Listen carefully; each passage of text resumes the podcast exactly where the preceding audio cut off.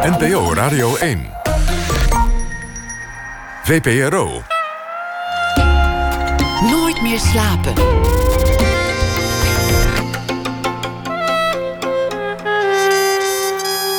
Met Esther Naomi Perquin.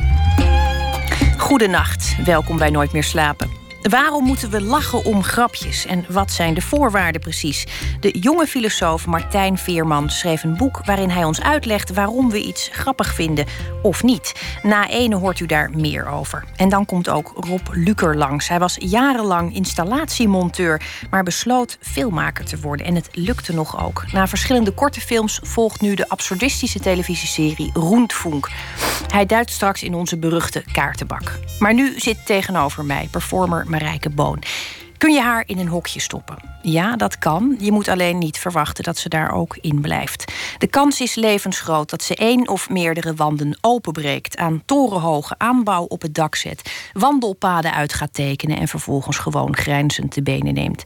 Cabaretier, schrijfster, poppenspeler, kunstenmaker, zangeres, vogelkijker. Eigenlijk zit ze in zoveel hokjes tegelijk dat ze in haar eentje een flatgebouw kan vullen. Marijke Boon, geboren in 51, speelde als kind al psalmen op de piano na, maar dan in een jazzy stijl. Zelf nadenken, een nieuwe manier vinden, de eigenzinnigheid was er al vroeg.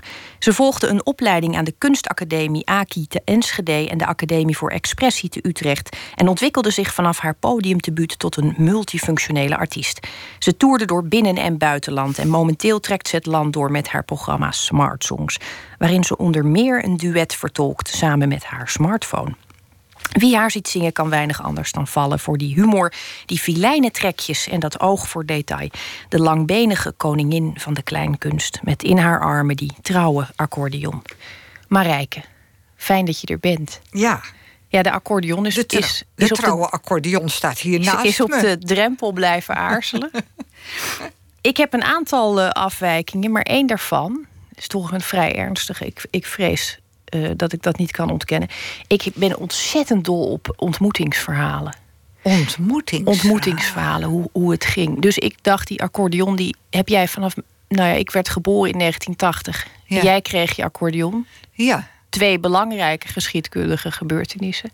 Die wij zeker ook nog zullen herdenken en gedenken. Toen die accordeon in jouw armen terecht ja. kwam, was het al een tweedehandsje, ja. begreep ik. Ja. Hoe is het gegaan? Hoe hebben jullie elkaar leren kennen? Nou, luistert.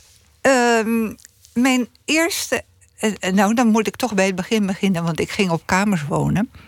En uh, voorheen speelde ik piano. En toen miste ik dat ik muziek kon maken. En voordat ik piano les na, gedwongen werd naar pianoles te gaan, speelde ik mandoline. In de mandoli op mandolineclub Zonnige Jeugd in Roon. en ik dacht, nou dan, uh, ja, piano is te groot om in je studentenkamer, dan doe ik een mandoline. Dus ik had eerst, prrr, nou, dat, was, dat werd niks. En uh, toen heb ik het maar weer verder gelaten toen bedacht ik ineens, maar toen was ik al uh, klaar bij de Academie voor Expressie. Van ik kan natuurlijk gewoon een accordeon kopen. En dat heb ik toen gedaan. Uh, oh nee, uh, ik wou zeggen het merk Parrot, maar dan maak ik reclame, dus dat mag nou, dat zeg ik. Ik denk niet dat mensen daar aanstoot aan nee, zullen nemen. En daarmee uh, dat speelde ik. Toen heb ik mezelf heb ik het boek Hoe leer ik accordeon spelen ge gekocht. Er is een en, boek dat heet Hoe leer ik accordeon ja, ja, spelen. Ja hoor. Deel, deel het is nog voor, voordat alles voor dummies was. Dat was nog gewoon. Ja, gewoon dan koop je een boek en hoe leer ik accordeon spelen. En dat deed je dan en dan kon je het. Uh, ja, maar minimaal, want ik speelde voornamelijk linkerhand. Uh, wij zijn nu in, beland in 1975. Dus heb ik hem eigenlijk nog best lang gehad. En toen ging ik met Zangduo de Bolis optreden.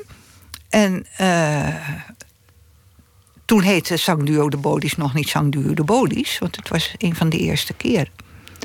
En toen dachten we... De, toen traden we op op de academie uh, in uh, Utrecht. En toen dachten we, laten we de spullen in de auto zetten. Dat is veiliger, want er wordt zoveel gestolen hier. En toen was de auto opengebroken. En toen was alles, ook mijn eerste accordeon gestolen. En toen had ik deze al zien staan in een winkel in Arnhem. Of all places.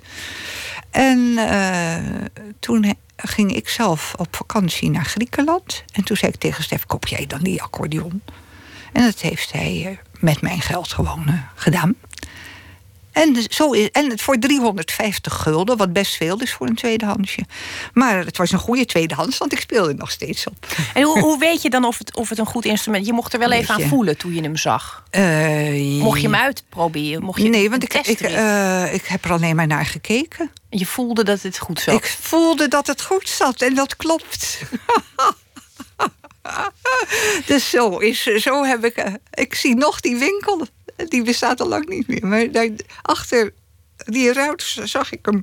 Het was een, niet een muziekwinkel, het was een rommelwinkel. Het is een, een, een rode, dat is, dat is, dat is, dit verraadt een enorm gebrek aan kennis. Doe dit bij auto's zo. Hoe lang gaan wij nog over een accordeon praten? Het was een rode auto. het is een rode accordeon. Oh, nee, daar, daar, daar gaan we het bij laten hoor. Ja. En er zitten 32 knopjes op. Ja, 32 bassen basknopjes. Ja, dat had ik toch weer gelijk gezien. Het is een 32 bassetje. Ik zag direct, dat zijn 32 knopjes. Mij hoef je niks te vertellen. Ja. Um, Mag ik nog één goede tekst uit een vroeger programma? Graag. En vroegen de mensen, Marijke, hoe vind je nou die knopjes? En dan zei ik, leuk. en dan ben ik de enige die, die daar heel hard om moet lachen. Nou, ze zijn ook, ja, ze zijn op, ja, ze zijn ontzettend leuk je, doet hem even om. Mm -hmm. Want dan ga ik het, toch het, blijft Maar dat is wel het, geheim van de smid is... De, de, hoe ik die knopjes vind. De C heeft een kuiltje. Dit is de C. Dit is de G. En dit is de C weer. Dit is majeur en dit is mineur.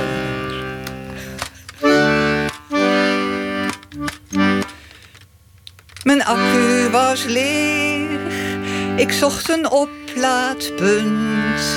De campingbaas zei om de hoek hier vlakbij is de kantine, daar zit een oplaadpunt. En inderdaad, daar zat jij, et cetera. Dank. Marijke Boon. Nou, dit is een hele goede opener. Uh, we gaan het nog over mijn afwijkingen hebben. Het gaat eigenlijk, het hele gesprek gaat nu alweer alleen maar weer over mij. Het is heel vervelend. Mhm. Ik kan namelijk heel goed tegen uh, smartlappen. Ik moet daar meestal om lachen. Maar er is er eentje, dat is Ketel Binky, een klassieker. Mm en dit heeft Felix Straten hier een keer voor me gespeeld. En die zat me strak aan te kijken, want hij wist het, dat, het, dat ik er een zwak voor had. En zelfs dat hielp niet, want het, het begon gewoon oh, alsnog kan je echt ontroerd raken. Hardgrondig door, te eh, lopen. Ja. Heb jij dat nog wel eens? Um, niet bij uh, smartlappen, maar ik heb een lied geschreven... dat zit in mijn huidige programma Smart Songs. Dat heet Oude Haas. En dat heb ik geschreven... Dat gaat over mijn vader. Natuurlijk, als je gaat schrijven, dan... Uh, wordt het anders, gaat het niet meer over mijn vader, maar ook wel. En het heeft heel lang geduurd uh, dat ik dat kon zingen, oefenen, hè, want voor het publiek is het anders, dat ik niet uh, volschoot.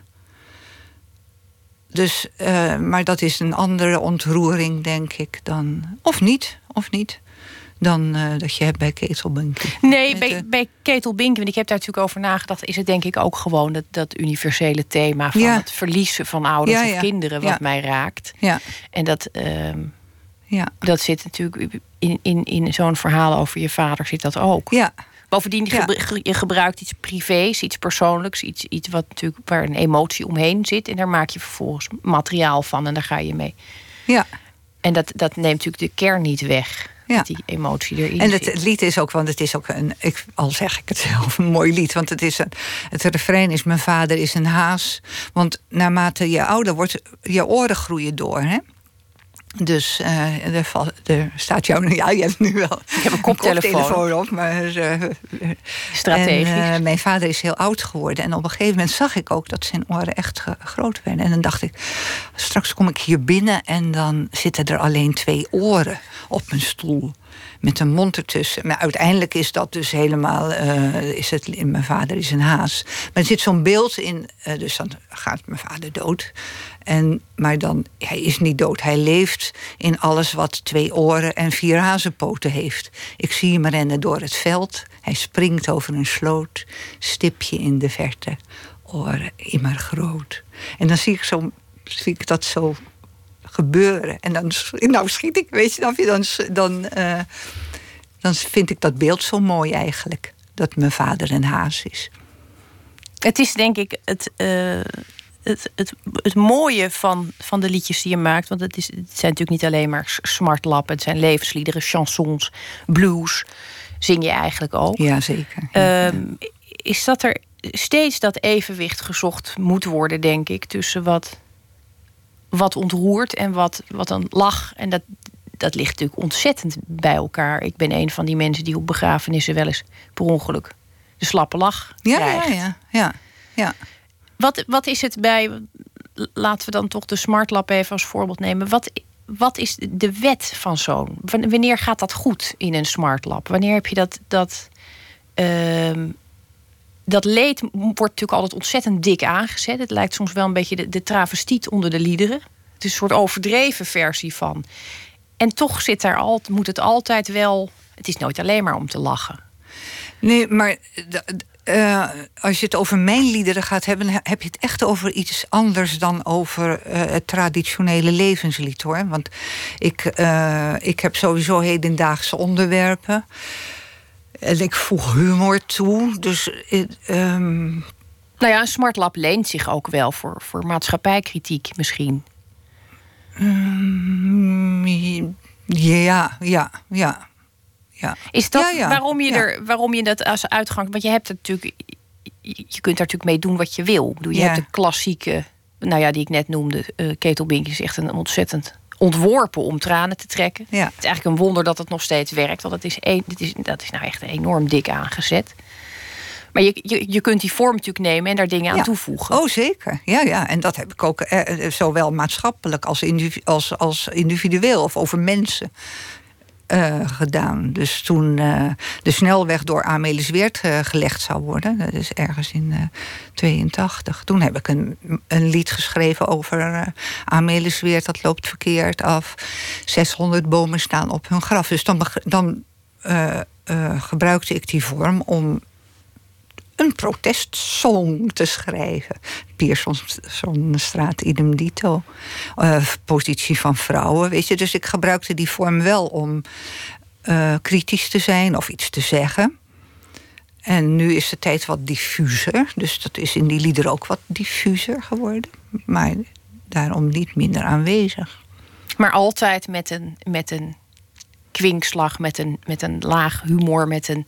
Ja, of met een omdraaiing, of spelen met clichébeelden. eh, eerst bevestigen en dan ineens eh, omdraaien. Of, eh, en dat waar, waardoor het beter aankomt wat ik wil zeggen. Of wil overdragen. Die eigenzinnigheid, hè? want ik, ik zei dat in het begin al even, dat zat er al jong in. Dat is natuurlijk voor een deel een gokje van mijn kant. Want ik was er niet bij eh, om dat gade te slaan. Maar ik vond het zo mooi toen ik dat las dat je psalmen naspeelde op de piano. Want je had als kind pianoles. Maar dan wel op een jazzy manier. En, dat mijn moeder dan van meneer riep, Marijke, hou eens op. Terwijl ik het heigend hert, rennend, het heigend hert der jacht ontkomen speelde. Maar dit, er was dus blijkbaar, los van het feit dat je moeder dan toch zich geroepen voelde om daar even commentaar op te leveren. Er was, er was blijkbaar ruimte voor thuis. Ja. Want voordat je op die studentenkamer in Utrecht belandde, is daar een hele jeugd, een, een, een opkweken aan vooraf gegaan. Ja, Voelde je dat ook zo als kind, dat die ruimte er zat om eigenzinnig te zijn? Was het een. een, een- er was wel ruimte, want ik was de jongste dus, eh, en een nakomertje. Dus ik, eh, er werd niet zoveel op mij gelet. Dus ik kon eh, doen, ja, binnen de marges natuurlijk, van op tijd thuis. En, maar ik kon wel doen wat ik wilde. Ik ging, was ook heel veel buiten. Ik ging gewoon... ik ging, en we gingen ook met vriendinnen liften, weet je, op, naar het strand. Eh, Ging dat eh, altijd goed? En dat is tot nu toe altijd eh, goed gegaan. Je hebt nooit een enge man. nee, nee, we hebben wel eens in, in een, eh, met een lege bus. Ja, met één chauffeur dus. En, eh, kregen we een lift van Oostvoorne naar eh Roon. Maar dat verraadt toch ook een zekere ehm, nou ja, onbevangenheid op zijn zachtst gezegd, maar misschien ook wel onbevreesdheid. Ja, en, nou ja, ik, ik zie het meer als eh, ja, fantasie of. eh, ja, ja, nee, ja, ik ging eh, de- mijn gangetje. Ja, ja, En de wereld was veilig. Je, je Ja. vond het ook. ja, ja, ja. En, maar als ik op mijn mobilet naar eh, Rotterdam ging, zei ik dat het van de kerk was. En dan eh, mocht ik om eh, 12 uur eh, zaterdagavond weer thuis zijn. En dan zat ik gewoon lang ja, in het donker. Ja, dat ik, ik zou mijn kinderen dat nooit meer na laten doen. Maar ik, dat deed ik gewoon. Wat ging je dan doen als je op die mobilet naar Dansen. Rotterdam? Dansen op de Beatles Van de kerk, mam. Van de kerk. Van de kerk. Nou, het, was, het werd ook georganiseerd bij de kerk voor jongeren. Dan. Was je een. een eh, want het- je, je klinkt als een heel expressief kind en een heel onbevangen kind. Ehm, maar je had ook. Je had, je had enorme tanden. Ik mag het zeggen, want ik had ze ook toen. Ja, ik, eh, ja, ja. Ik had wel ook wel zelfhaat hoor. Want ik heb ook. Ik hield altijd een dagboek bij en daar staat ook zo'n tekeningetje in. Met de, toen was ik naar de tandarts geweest, want eh, er zaten hier nog twee extra tanden. Hè, die zijn er uitgetrokken. Eh, vandaar dat het nog nu eh, decent naar achteren staat. Terwijl ik nauwelijks. Nee hoor, nee. Maar dat is een tekeningetje eh, dat ik naar de tandarts was geweest. En dan stond er bij Marijke Boon. Had ik dan paardentanden met een pijltje. En dan stond er onder Marijke Boon lelijkert. Lelijkert. Dus echt mooi was ik niet. En ik zeg niet, ben ik niet, maar het is, ik eh, eh, heb natuurlijk wel eh, iets karakteristieks. Ja. Nou ja, je, je, je vormt vaak je zelfbeeld ook in die jaren. Dus hoe mooi je later ook wordt, je blijft toch altijd voor een deel. Voor een deel blijf je een paard. ja, maar ik ben ook wel eens. nee, een ooievaar. Want, eh, ha, een ooievaar. Ja, je bent ook nog lang. Dat vergeet ja, ik en even ik te vermelden. droeg een rode maillot en het was mijn stage. Dus ik was dramadocent op het Montessori Lyceum. En eh er kwam een jongetje, die zag mij op de rug. En die zei, ha, een ooievaar. En toen schrok hij heel erg, want toen zag hij dat ik het was. Dus ik heb toch meer iets van een vogel dan van een paard. Ik heb het met eh, Brigitte Kaandorp wel eens gehad over, over de ontwikkeling van humor. Mhm. Dat dat bij lelijke kinderen altijd veel beter verloopt. Ja, ja, ja. en ook omdat we toen stelden, het is de judo van de ziel. Nog een keer? Het is de judo van de ziel. Het is een, een absolute vorm van zelfverdedigingssport, humor. Oh, Lelijkheid is misschien ook wel de judo van de ziel. Dat weten we niet. Eh, nou, daar kan ik niet zoveel mee. Die, een ziel kan niet judoën. Nee, ja, nee. Dat, eh, Maar je hebt het misschien niet, niet nodig gehad als zelfverdediging. Grappen maken om mensen af te leiden of om. om... Want je, je, je durfde wel, je, je ging dansen. Ik bedoel, dat vind Ja, ik ja. al iets Ja. getuigen van een zekere. Ki- Kijk maar naar me. Ze mochten naar je kijken in ieder geval. je was hoor, niet bang. Ja, en, ja, ja, en, op- ja. En ik schreef ook wel toen al eh, liedjes en gedichten. Of leerde ge- di- dingen van Andy M. G. Schmid uit mijn hoofd. Of, ehm, nou ja, nog een andere... Hoe vroeg wist je het dan dat je, dat, je, dat je het podium op wilde? Of was dat niet zo helder omlijnd? Nee, dat was niet zo helder. Ik, ik, wil, ik had wel creatieve zin, wat ik eigenlijk nog steeds heb. Dus zin van binnenuit om te schrijven of te tekenen of te breien of eh, bloemstukjes te maken. Dus ik was wel altijd eh, bezig met knutselen en tekeningetjes. En ja, dus dat is. En dat is altijd zo doorgegaan. Wat natuurlijk heel leuk is. Dat. eh, want ik ben eh, officieel. Ik heb dus twee jaar kunstacademie gedaan en eh, de Academie voor Expressie. Dus ik ben officieel docent drama. En dat liederen schrijven, dat is het. En later je- jeugdtheater. En weer later ehm, eh, kleinkunst. Eh, dat is eigenlijk zijdelings naast mijn gekozen beroep ontstaan. En al vrij snel ging ik daarvan leven. Alleen in het begin heb ik even les gegeven om geld te verdienen. En heel snel kwam toen uh, het jeugdtheater. En de Bolies. Dat zangduo, dat was dan voor volwassenen. En uh, het jeugdtheater De Bruine Boon. Dat was met, uh, Stefan de, ook met Stefan de Linden van het zangduo De Bolies. En uh, Maud Stegenga, met, eerst met z'n drieën, later met z'n tweeën waarin we theater en beeldende kunst combineerden. Stef was, Stef was de eerste Tommy van uh, Sesamstraat. Dus dat was een geweldige poppenspeler. En, uh, en ik kwam met mijn accordeon en, uh, en schilderijen en, en, door schilderijen heen knippen. En portretten en landschappen. Nou, een hele, hele leuke... En die stukken die schreef ik. En ik speelde ook nog. Ja, die, die, die veelzijdigheid is ook volgens mij een. Uh, er zit een soort veelvraat ook.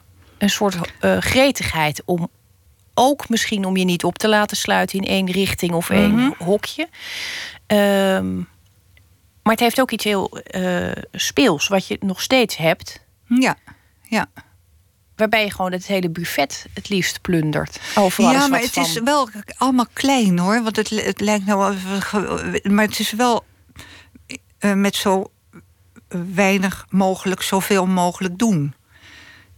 Sowieso heb je maar een paar woorden, enkele woorden tot de beschikking, of enkele noten. Of, uh, dus het is wel. Het is altijd wel op de millimeter bij mij. Dus het is. Uh, ook kleinschalig. Daarom sta ik ook het liefst in de kleine en in de middenzaal. Omdat het. Uh, ja, dan zien mensen ook. Ik heb de grote zaal, ja, ik heb wel eens, maar dan met, met uh, muzici erbij. Want ik ging eens een keer naar. Sander Wallis de Vries, weet ik nog. Uh, Brigitte heb ik natuurlijk ook. Dat vind ik ook een hele leuke collega. Maar toen stond daar zo'n pop. In de grote zaal staat zo'n poppetje op het podium. Ziet niks. Je moet maar geloven dat het Sanne Wallen de Vries is. Dus ik vond de grote zaal... Is totaal niet mijn ambitie geweest. Nooit niet. Uh, ik vind kleine en midden vind ik veel leuker, omdat het direct is. Maar mensen zien ook, omdat ik op de... Het is allemaal klein. En uh, zowel in taal als uh, in beeld. Zit ik wel thuis mijn gordijnen te maken. Voor, en die zijn, heb ik nu op de achtergrond in Smart Songs. Dat, dat kleine, gaat het je dan om de, om de intimiteit die daarmee ontstaat? Het contact met, met, met de zaal, dat er een soort wisselwerking is? Want je hoort ja, maar dat gaat me er niet is, om. Dat... Dus het is niet mijn. Uh, het is dat je, je, je maakt iets en je wilt het tonen. Dus dan wil ik wel dat de mensen het zo goed mogelijk zien en ervaren. En het is inderdaad zo dat, je, dat ik contact. Ik heb, speel niet met een vierde wand. Dus ik zie ook als mensen er helemaal niks aan vinden. Nou, dat gebeurt zelden. Maar ik heb natuurlijk ook veel, veel op straat uh, ge, gestaan. Hoe is dat? Want dat, dat vroeg ik me ook nog af. Uh, dan is er natuurlijk helemaal geen sprake meer van wetten. Nee. Iedereen kan alles doen. Ja, ja, ja. En dat gebeurde ook wel. Zeker toen we de bolies uh, deden. Want dan kwamen we op, uh, op braderieën en uh, rare uitmarkten te staan. Met dronken mannen en mensen die er natuurlijk helemaal. Maar we, waren, we speelden een echtpaar. Hè? En Stef was heel klein en ik had nog zulke hakken aan. Dus het, en mensen raken gebiologeerd, want ze zien daar een stel staan en zijn ze nou echt zo, zo ja of nee. Dus je wordt ook gedwongen als toeschouwer om te gaan kijken. Wat eigenlijk nog steeds zo is, want mensen hebben nog altijd. Is ze nou echt zo of speelt ze het? Nou, ik ben echt zo. Nou, je gaat het je bijna afvragen, inderdaad. Of het, wat, wat, wat, wat neem je mee van jezelf het podium op en wat laat je achter? Hoeveel ja. laat je achter eigenlijk? Ja, ik laat niet zoveel achter, maar ik laat ook niet alles zien. En dat heeft ook weer te maken. Ik had een tijdje geleden uh, op Texel speelde ik in Cliff 12. Nou, en dan, dan ontstaat het ja, ik vind het dan toch een bepaalde magie. Dus dan ontstaat er iets met elkaar, waardoor je elkaar eigenlijk naar grote hoogtes uh, drijft. Dus het is dat. dat ehm, ik moet bescheiden beginnen, want anders dan denken mensen zelf ingenomen. Hè? Weet je, dus eh, het is, een, het, is wel testen. En eh, ja, daardoor kan er iets moois ontstaan. Terwijl ik natuurlijk wel gewoon doe wat ik doe. Maar er is wel ruimte om uitstapjes te maken. Uiteindelijk zaten ze in Tessel. Een kleine zaal, maar het was heel erg. Ik had het namelijk bedacht. Ja, nou, dat is een heel verhaal. Maar in ieder geval, ehm, ik zing een duet met mijn smartphone. En, uh, en, en als de, lig je, de tekst is: lig je, lig je alleen in je eentje in bed? Pak dan je smartphone en doe een duet. Eerst zing je in en daarna zing je mee. Een duet alleen met z'n twee. En dan dat draai ik, dat neem ik op op mijn smartphone. En dan zing ik dat tweestemmig. Ja, ik kan het nu gaan demonstreren, maar de tijd is bijna om. Uh, maar toen. En, en dan zeg ik tegen de mensen: Nou, u kunt het filmen. Of nee, of opnemen. En dan, als je dan straks alleen in bed ligt, dan kan je dat. En toen ging iemand filmen, en toen kwam er ook een lichtje. Zeg ja, ga een beetje het licht ook. Nou, ik ja, nee, doe allemaal het licht aan. Dus toen zat de zaal met de zaklantaarns van de smartphone aan. Lig je alleen Jeetje. Nou, dat doe ik echt niet elke keer hoor. Het lijkt me fenomenaal om, er, om daarbij te zijn. Ja. Um, vogelkijken, daar wil ik het toch heel kort over hebben. Want ik ken een aantal uh, vogelaars die fanatiek zijn geworden. En dat was, dat, het kan toeval zijn, maar het was bijna altijd als een, als een remedie tegen verdriet. In één oh. geval ging het over een, een kind dat overleden is. In een ander geval was het een depressie. En, en de derde die ik ken uh, had een gebroken hart. Um, ja, en toen dacht ik, wat, waarom knappen mensen daar nou toch van op? Van een, van een, een, een chif of een boomklever? Wat... Nou, ik ben nog nooit van een chif of een boomklever opgeknapt. opgeknapt. Nee, nee, echt niet. En ik doe het al zolang ik leef, bijna. Hè? Nou, toen ik misschien een jaar of zes, zeven was of zo. Dus uh, ik heb daar een andere beleving bij. Ik vind, vond het heel mooi om in de natuur te zijn en buiten in mijn eentje en dan wat uh, te zien. En dat heb ik eigenlijk nog steeds zo. Dus ik ben ook niet zo'n uh, expliciet. dus, nou, ik heb natuurlijk wel een programma gemaakt, Vogelkijk voor beginners. Wat oorspronkelijk ook straattheater was, trouwens. Heel erg leuk. ik denk dat ze het of op de parade of op het Oerol Festival voor het eerst hebben gedaan. Maar dat Um, maar uh, wat was de vraag? Nou, oh, eenzaam en. Uh, ja, ja, wat je daarin aantrekt. Uh, nou, dat, ja. Nou, dat zei je, je hebt er geen mensen voor nodig. Dus, en je kan toch genieten. Ja. Herken je ze ook inmiddels allemaal? Ja, ja joh. Ja, nou, ik, had van, ik liep van de week met een vriendin en toen zei ik, uh, toen zei ik kijk wat leuk, een bonte ekster. Nou, zei ze, dat is een Vlaamse gaai. het is eigenlijk wat leuk, hè? We hebben nu al twee vogels gezien in die korte tijd dat we hier nu lopen. Ik vind dat echt, ik zou dat dus wel willen, maar ik ben ontzettend slecht in. Ja, ja, ja, het is te leren, dat wel. Maar het moet ook weer geen studie worden, want het is echt plezier. Het is, het is, mijn, eh, het is niet mijn werk, het is een hobby. Het is echt een hobby, vind ik. Ik vind het ook heel leuk om een hobby te hebben. Dus, uh... En je spreekt het uit alsof het een exotische toestand is. Het hebben van een hobby. Ja.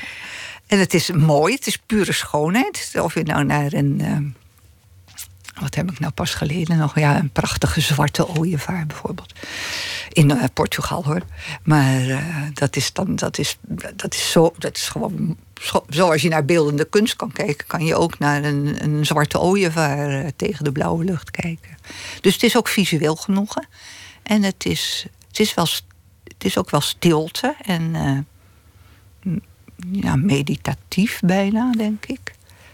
En, uh, en je leert goed kijken. Je leert ook uit je ogen kijken. En dingen zien. En dat vind ik er ook allemaal mooi aan. Neem je wel eens iemand mee? Of ben je bijna altijd alleen? Nee, nee, ik neem wel eens iemand mee. Ja hoor. En die zijn dan ook stil? Ja, of vogelaars onder elkaar. Ik heb twee vrienden die het uh, graag... En ook veel van weten. Het is natuurlijk... Ik maak ook vogelreizen, hè, georganiseerd. En niet uh, elk jaar, hoor. Want dat is ook een beetje armoede. Maar bijvoorbeeld mijn overleden vriendin Anneke... Die, die, die, die, kon op een gegeven moment echt veel... wist veel van vogels. Want we gingen naar Wales en de Shetlands en uh, Schotland. En, nou ja. Voorlopig toer je door het land. Ja. Smart Songs heet je voorstelling. Marijke Boon, dank je wel dat je er was. En ik uh, ga u na het nieuws van alles laten horen, onder andere Ninja Weijers. En we gaan het hebben over Dick Maas. Dat en meer na het nieuws van 1 uur.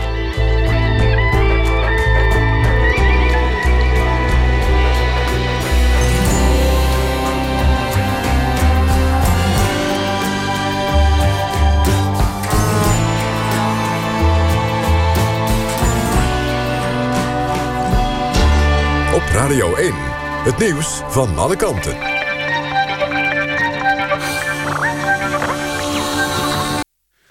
Het is 1 uur Patrick Holtkamp met het NOS-journaal. Staatssecretaris Van Dam van Landbouw is bereid om 23 miljoen euro te investeren in de melkveesector. Hij wil er met het geld uit Brussel voor zorgen dat melkveehouders hun veestapel kunnen inkrimpen, zei hij in Nieuwsuur. Na de afschaffing van de melkquotum vorig jaar kochten veel boeren er veel koeien bij, waardoor Nederland veel te veel mest produceert.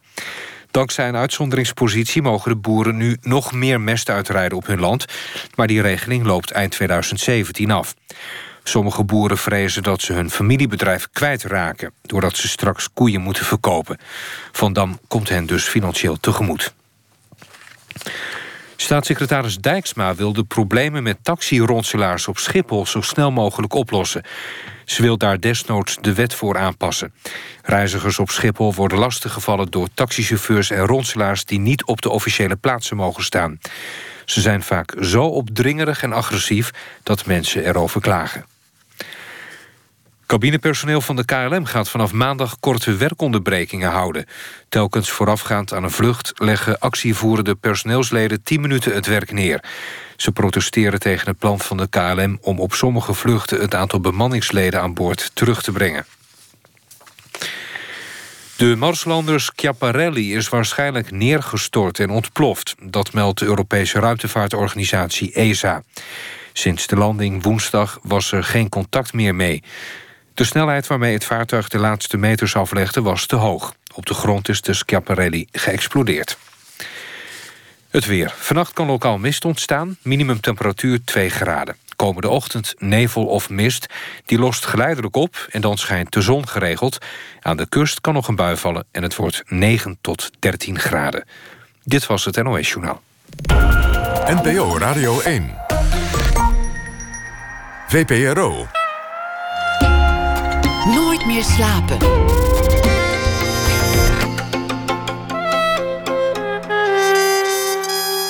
Met Esther Naomi Perquin. Goedenacht, welkom terug bij Nooit meer slapen. Waarom vinden we sommige soorten humor nou grappiger dan andere? En wat is de relatie tussen lachen en logica? Deze vragen stellen we straks aan filosoof Martijn Veerman, die een boek schreef over de belangrijkste voorwaarden voor humor. En regisseur Rob Luker komt langs. Met hem gaan we het hebben over Roentfunk, een absurdistische televisieserie over een middelbare school waarvan alles mis is.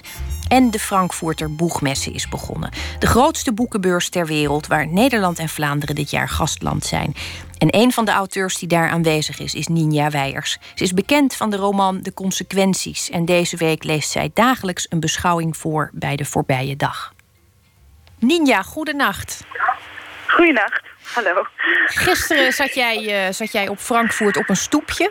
Zocht je even de ja. stilte op uh, om aan het feest te ontsnappen. Ja. Uh, hoe is dat uh, vandaag? hoe zit je erbij? Nou, ik, ik ben momenteel ben ik zo slim geweest om even een jas aan te trekken. Maar ik sta aan een soort staattafel waar heel veel asbakken staan met, met peuken erin. opgerookte peuken. Dus het is ongeveer dezelfde situatie als gisteren. Het klinkt als een aanlokkelijk eh, gezicht. Aanlokkelijk, ja. nee, behalve dat het eigenlijk nog een ergere dag was dan gisteren. Want ik heb echt... Ik, ik heb tot nu toe elke dag ehm, nog wel even zo eh, met mijn, met mijn eh, opschrijfboekje ergens kunnen zitten. En ik heb het zelfs een keer tijdens het eten gedaan om een stukje voor jullie te schrijven. En vandaag is er geen enkel moment geweest dat dat is gelukt. Dus dat was wel weer een uniek dieptepunt. Ehm, dus ik ga het helemaal uit mijn hoofd doen, wat natuurlijk voor een schrijver afschuwelijk is. Maar ehm, ja, ik kan je een beetje schetsen wat er, wat er allemaal gebeurde, waardoor het allemaal niet lukte. Misschien, misschien heb je daar dan toch nog wat aan. Nou, Ehm. mij lijkt het een uniek hoogtepunt dat we een, een, een schrijver live verbaal horen schrijven. Zo moet je dat zien. We gaan, we gaan, dit, eh, we gaan dit proberen. Nee, het, het, was, het was duidelijk een, een vrijdag vandaag. Ehm, eh, dit was de laatste dag van de, van de beurs die een, hè, die een dag was, een normale dag zeg maar, voor, voor vakmensen. En die gaan ook allemaal naar huis vandaag. Dus heel veel mensen trokken weg en iedereen trok ook heel wit weg inmiddels. De, de, de- mijn collega's en mijn uitgevers zagen er allemaal heel bleekjes uit inmiddels vandaag. Ik zelf daarvan trouwens niet eh, helemaal gevrijwaard ook. Ehm, eh, en het- ik had een dag met, eh, ik, ik heb een heel fijn, een heel schema krijg ik dan van wat ik elke dag moest doen. Alleen hadden ze vandaag allerlei verkeerde dingen op mijn schema gezet. En dan loop je op een plek waar eh, dat, die, die dan eh, eh, zo groot is als zeven keer de RAI eh, in Amsterdam. En dan ehm, loop je op allerlei roltrappen en, eh, en door mensenmassa's heen en dan gaat alles mis. Dus zo'n dag was het En ehm, ja, je, je, je, je, je bent een soort speelbal van het lot toch als auteur. En je wordt heen en weer geslingerd. En je bent ook, eh, dat is eigenlijk echt ongelooflijk... eh, eh, voortdurend in het gezelschap van anderen. Dus ik heb vandaag echt letterlijk geen moment gehad dat, ik, dat niemand mij zag. Misschien behalve een paar keer dat ik op de wc zat. Dus nu, ja, nu ben ik een beetje op mijn tandvlees nog met mijn Duitse uitgever eh, een, een etentje. Heb ik net een schnitzel voor mijn neus gekregen. En ehm, eh, ben ik dat snel nog even in mijn mond aan het stoppen... voordat ik dan toch nog maar weer naar een feestje ga. Want ja, je moet wat op zo'n dag. Ja, je moet denk ik toch ook proberen alles eruit te halen wat erin zit. Ik moet Ja, heel eerlijk ja. zeggen, Ninja, als ik dit zo hoor, dan eh, lijkt het me ook wel echt een bezoeking. Het, ehm, dat je in Ja. zo'n kokon zit opgesloten van een, een weerwar van literaire figuren en, en lezers en uitgevers en alles wat er omheen zwermt.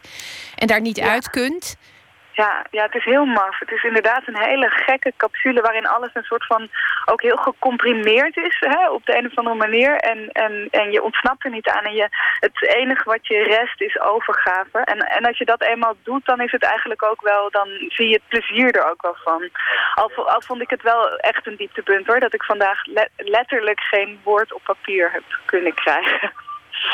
Nou, je hebt ons in ieder geval eh, een, vermakelijk inkijkje geboden in de wereld van de, de moderne Nederlandse schrijver. Mm. Waarvoor eh, dank.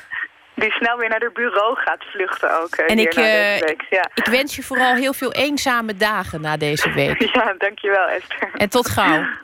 Oké, tot snel. Dag. Toen ze tien was, hoorde zij popster Britney Spears op de radio. En het inspireerde haar om zelf ook liedjes te gaan schrijven. Maar bij de Australische singer-songwriter Julia Jacqueline, inmiddels 20 plus, hoor je naast die zuivere pop toch ook een snik in haar stem. Het debuutalbum is uit en heet Don't Let the Kids Win. Daarvan draaien wij Let Light.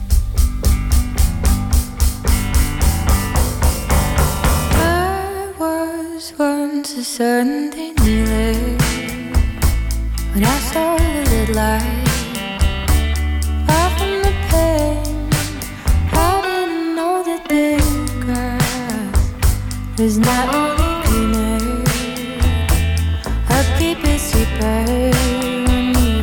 embrace rain.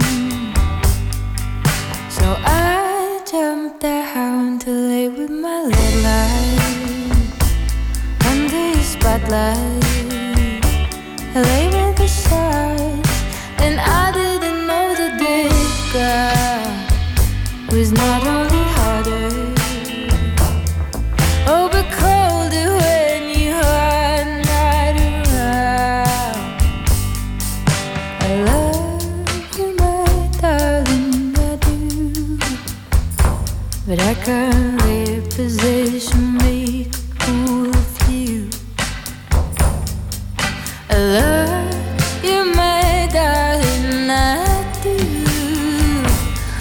I promise I'll be here to see this whole love too.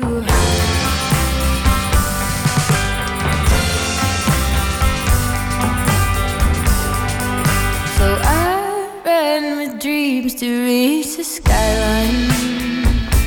Straight up that incline. I ran past blue, and I didn't know that this sky is not only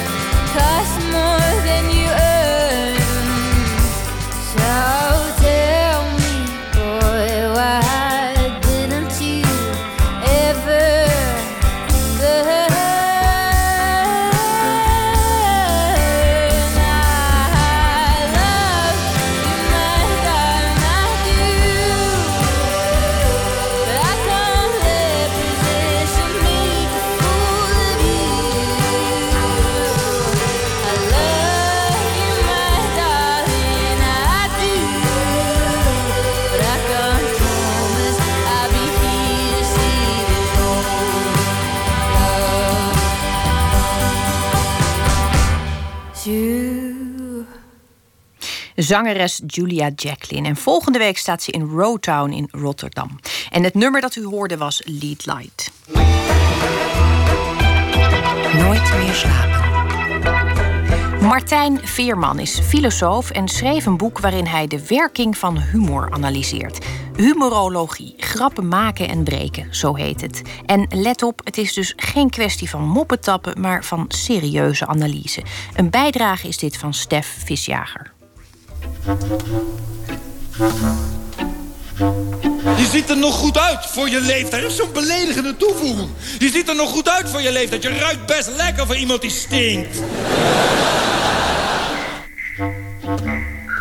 1978. Ik en die oom van mij, wij waren waarschijnlijk de eerste twee Marokkanen in de Efteling. En dus eens dan, de eerste Marokkanen in de Efteling. En kijk ze toch eens genieten, deze Noord-Afrikanen, zij kijken er nog aan uit. Hans en Gietje, dat zegt ze waarschijnlijk niet. En die kleinste met de krullen, wat zal daarvan terechtkomen? Dat is een mooie tijd hoor, achter. Schindler's List die. Ja, maar die is mooi hoor. Ja, dat is echt waar. Het is een hele mooie, belangrijke film. Maar kijk, kijk, de mensen, de mensen praten altijd wel over de Joden en zo. Terwijl nou, die Duitsers, dat waren ook geen lievertjes hoor.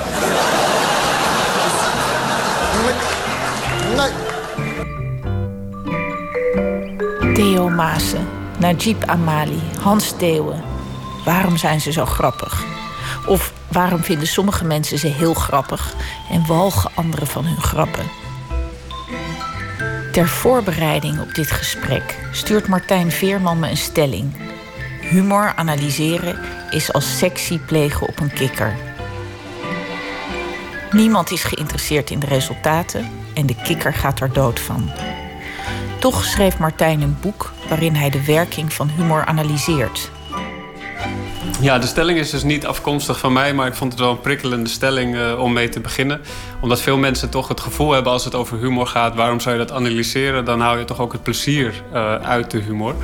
Maar toch, als je kijkt bijvoorbeeld ook naar het aantal Google-hits, als je zoekt op humor en eh, hu- humor en analysis bijvoorbeeld, in het Engels heb je ook ontzettend veel hits. Dus Ik denk dat steeds meer mensen ook heel erg geïnteresseerd zijn in de werking van humor, wat het betekent en uh, hoe je grappen kan uh, verklaren. En daarbij ook uh, hoe je leuke grappen maakt of hoe je je gevoel voor humor verbetert. Veel mensen zijn daar ook op zoek naar. Wat, waarom ben jij geïnteresseerd in humor vanuit je vak als filosoof? Um, omdat het in filosofie komt het eigenlijk heel weinig voor, humor. Ik kwam daarachter dat het, uh, dat het toch zonde is... en dat het me een heel interessant onderwerp leek om te onderzoeken. Uh, omdat het ook uh, zo'n centrale rol speelt in ons dagelijks leven. En heel veel mensen als een van de belangrijkste eigenschappen bij een partner... bijvoorbeeld de eigenschap humor opgeven. Uh, dus ik vond dat een groot contrast, omdat filosofie ook gaat over uh, dagelijkse onderwerpen en over hoe je goed kan leven. Uh, en tegelijkertijd is humor een heel onderbelicht onderwerp binnen de filosofie. Martijn Veerman laat een filmpje zien op YouTube, The Laughter Chain, waar mensen kijken naar iemand die lacht en vervolgens zelf ook gaan lachen. Heel hard gaan lachen.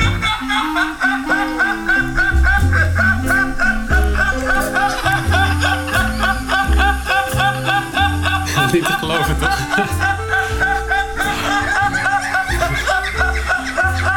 Klinkt het nog echt of niet? Nou, het klinkt wel, een beetje zoals een aap. Ja, ja, ja klopt. Ja, bij, uh, bij apen merk je ook heel sterk als ze gaan spelen dat die, uh, het in- en uitademen gaat veel sneller. Dan en dat, dat is een signaal dat ze naar elkaar afgeven van we gaan nu spelen. We gaan, uh, het tempo wordt als het ware versneld. En dat, dat vind je nog steeds bij mensen ook terug. Dat de ademhaling wordt versneld, je spieren gaan, gaan sneller werken als je lacht. Ik ben wel jaloers als ik hem zo zie. Want het ziet er heerlijk uit. Hij moet zo ja. hard lachen. Ja, ik, ik, dat heb ik ook hoor. De, de, de, een, een, dokter in Amerika uh, die heeft beweerd dat uh, drie minuten volop lachen gelijk staat aan 20 minuten roeien op de roeimachine. Eeuwenlang vonden mensen vooral situaties grappig, waardoor zij zich slimmer konden voelen dan de man of vrouw in de grap. De clown die struikelt, de soldaat die rechtdoor loopt terwijl het hele peloton afslaat. Vaak heeft wat wij grappig vinden met een gevoel van superioriteit en leedvermaak te maken. En de lach is dan een manier om anderen te vernederen en om te laten zien dat jij uh, uh, beter bent dan anderen. Dat is, dat is gedurende de geschiedenis ontzettend belangrijk beeld geweest bij humor. Kijk, als je bijvoorbeeld kijkt naar de geschiedenis dan, dan vonden de intelligentsia inderdaad dat geen goed tijdsverdrijf... omdat ook humor een, een, vorm van controleverlies is. En mensen die de controle verliezen, daar kan je niet op bouwen. Daar kan je niet mee samenleven. Daar kan je niet van, die zijn niet betrouwbaar. Daarnaast ook, uh, vond men dat, dat lachen lelijk maakt. En men was ook van overtuigd dat het ongezond is. Uh, dat zijn allemaal overtuigingen die nu niet meer spelen... maar dat was, uh, dat was vroeger nou eenmaal zo. In zijn boek zet Martijn uiteen hoe humor in elkaar steekt, wat de kenmerken zijn, de constanten, waarom een grap grappig is. Dus ik laat Martijn een scène zien van Monty Python die ik heel grappig vind, want ik ben benieuwd naar zijn analyse. Je vindt het nu al grappig. hoe vaak heb je dit filmpje bekeken? Ik ken de scène vast, uit The Life of Brian. Jezus staat op een balkon en spreekt een menigte volgelingen toe.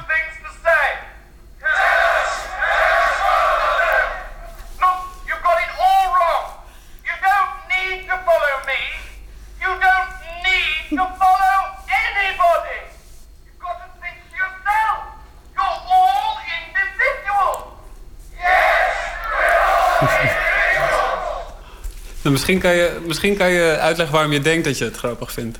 Om mee te beginnen wat ik het grappigste vind is dat hij zegt: jullie zijn allemaal individuen. En dat die hele massa roept: ja, wij zijn allemaal individuen in ja. één stem. Dat vind ik heel erg grappig. Ja, ja. Uh, ja, ik denk dat er, dat er twee dingen zijn. Want wat je persoonlijk grappig vindt, dat heeft heel erg mee te maken uh, hoe je opgegroeid bent, met wat voor, voor vorm van humor je in aanraking bent gekomen. Want het begint in eerste instantie vaak door middel van imitatie. Dat je ook grappen begint te maken, zoals bijvoorbeeld je ouders doen of familie of vrienden. En je ziet hoe die grappen aanslaan of niet. En dan neem je dat soort humor over. dus dat kan per persoon verschillen. Maar je ziet wel, ook in dit filmpje bijvoorbeeld, dat er wel bepaald soort technieken gebruikt worden om het grappig te maken. En vaak worden dan bepaalde tegenstellingen Bijvoorbeeld Jezus, de figuur, dat is toch een leider. En die presenteert zich hier als iemand die niet gevolgd wil worden. Die eigenlijk geen leider wil zijn. En dan heb je de groep die uh, met alle in koor zegt dat ze individuals zijn. Maar het is natuurlijk eigenlijk één groep. Dus dat gaat in tegen de boodschap die Jezus dan brengt. Dus er zijn een aantal tegenstellingen die Monty Python hier dan uitspeelt. Um, uh, en dat is een manier Um, om, om de humor te creëren. Maar of het je persoonlijk aanspreekt, dat heeft ook te maken met, met je eigen geschiedenis en wat voor onderwerpen je leuk vindt. En ik denk dat het uh, element van blasfemie, dat is een heel uh, belangrijk aspect aan de film ook, denk ik. Uh, er zijn ook fragmenten, heb ik gezien, waarin een discussie gaat met iemand van de kerk bijvoorbeeld. En die vindt dit echt blasfemie. Dit, dit kan gewoon niet, deze film. Dat mag niet aan de jeugd getoond worden. Een stukje uit dat interview. John Cleese. And we would absolutely deny, at least I would, that there was any attempt to say you should not believe in Christ. What we're saying is take a critical view. Find out about it. Don't just believe because somebody tells you to. Somebody in the pulpit says something. Question it. Work it out yourself. You're seriously suggesting that if someone saw that film, say a young mm -hmm. kid, who knew nothing about Ik denk dat ook uh, als jij um, je sympathiseert met, met de kerk en geloof en met Jezus, dat het voor jou, voor jou heel moeilijk is te, om deze scène te bekijken. Omdat er heel luchtig wordt omgegaan met zo'n uh, met zo'n belangrijk uh, fundamenteel verhaal als dat van Jezus. Ja, dus er is waarschijnlijk bestaan er heel weinig grappen die echt iedereen leuk vindt. Want je onderscheidt ja. je er toch mee. Ja, ja dat, dat, ik, dat denk ik zeker. Ja. Ik denk dat, dat het is heel moeilijk om, om een grap te maken die iedereen zal, uh, zal plezieren. Ja, dat, dat, dat lukt bijna niet. Ook een nummer één hit zal niet iedereen leuk vinden. Dus het is ook een manier om te bepalen bij welke groep je hoort. Ja, of je bij de Monty Python lovers hoort of bij de Monty Python haters. Ja, ja dus bij deze heb je jouw guilty pleasure uh, duidelijk gemaakt. Maar dat, dat is zeker zo, denk ik, ja. Nu tover je een cartoon tevoorschijn uit de New Yorker. En dat is een zwart lijntje om een helemaal blank vlak. En daar staat boven... Please enjoy this culturally, ethnically, religiously and politically correct cartoon responsibly. Thank you. En daarin dus helemaal geen inhoud. Uh, en ja, de boodschap is, uh, van deze cartoon is natuurlijk... Het is eigenlijk niet mogelijk om een grap te maken zonder mensen te beledigen. Heel grappig is hij. Die vind ik nou heel grappig. Eindelijk. Eindelijk, hè, Mint? Oh. Gelukkig. Hij is natuurlijk enorm verantwoord. En ben jij grappiger geworden door je zo met humor bezig te houden? ja, ja uh, dat is een lastige vraag. Ik weet niet, want ik heb het niet gemeten. Maar mijn ge gevoel zegt dat, dat ik... Uh, ik ben humor wel, meer gaan waarderen. En ik, ik, kijk er nu ook heel anders naar natuurlijk. Ik kan het beter analyseren. Maar ben ik er zelf grappiger door geworden? Uh, een klein beetje misschien, ja. Komende maandag heeft Martijn Veerman een lezing over humor in Felix Meritus in Amsterdam. En zijn boek Humorologie, Grappen maken en breken verscheen bij ISW-uitgevers. En deze reportage werd gemaakt door Stef Visjager.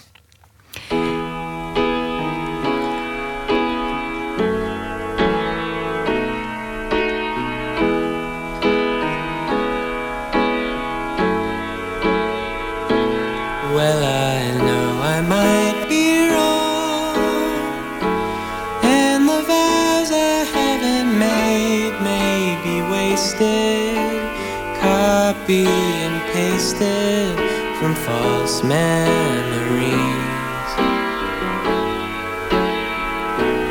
And I very well could be expecting too much from a lover.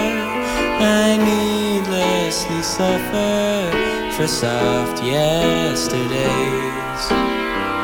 and lovely laying on porch in the rain. When faced with adverse